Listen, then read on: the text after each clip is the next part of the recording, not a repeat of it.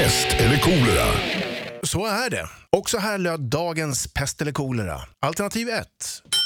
Klämma snoppen i ett stekhett våffeljärn. Alternativ 2. Trycka upp en glödande kolbit i rumpan. Ja, Det, det här är verkligen pest eller kolera måste jag säga. Eh, oj, oj, oj. Fan, är, och så ska man försöka komma på det här fort. Då. Vart är man mest hårdhudad? Eh, troligtvis... Eh, jo, jag väljer, jag väljer det där med snoppen. Alltså, för att jag har så jävla mycket förhud. Så att, eh, om jag, då kan man ju passa på och jag har funderat på att skära bort lite grann. Göra en sån omskärelse, medicinskt alltså. så att, då kan jag ju göra så att jag lägger in liksom, eh, den delen av förhuden som jag vill ändå ta bort och så kan man liksom bränna bort det istället då kanske. Så du får så att säga, du blir, ja, två flugor i en smäll kanske är fel Ja. uttryck i det här läget. Men Ja, eh, precis. För en glödande i röven där, det, det, nej fy fan, det känns eh, obehagligt. Nej, det får bli snoppen i eh, stekhett eh, våffeljärn. Ja, Eh, du, jag är inne på precis samma linje faktiskt. Aha, jag okej. tror att det där med glöd, äh, oh, upp i, nej fy fan alltså. Jag vet ju inte, men jag tror inte att det är kul att klämma snoppen i ett glödhett eh, våffeljärn. Men det får ändå bli så. Det kanske blir ett kul mönster till slut.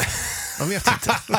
Ja, jag har faktiskt lite grann erfarenhet av att eh, klämma snoppen. Inte i ett, eh, inte i ett, eh, i ett våffeljärn. Men? Men däremot eh, har jag klämt delar av förhuden i blixtlåset faktiskt. ja, ja, aj, ja, det har jag också ja, gjort. det är Oh. inte skönt alltså. Nej. Okej, men Maja har fått våra svar här nu i alla fall. Jajamensan, och eh, om du har en pest eller kolera som du känner att du vill utsätta oss för så skriv in den på våran Facebook. Och på tal om att klämma snoppen i ett våffeljärn. Här är Balls to the wall med Accept. Rockklassiker. Klassiker. Ett poddtips från Podplay.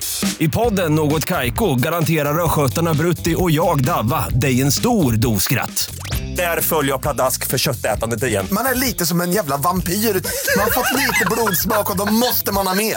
Udda spaningar, fängslande anekdoter och en och annan arg rant. Jag måste ha mitt kaffe på morgonen för annars är jag ingen trevlig människa. Då är du ingen trevlig människa, punkt. Något Kaiko, hör du på Podplay. Därför är gardinerna.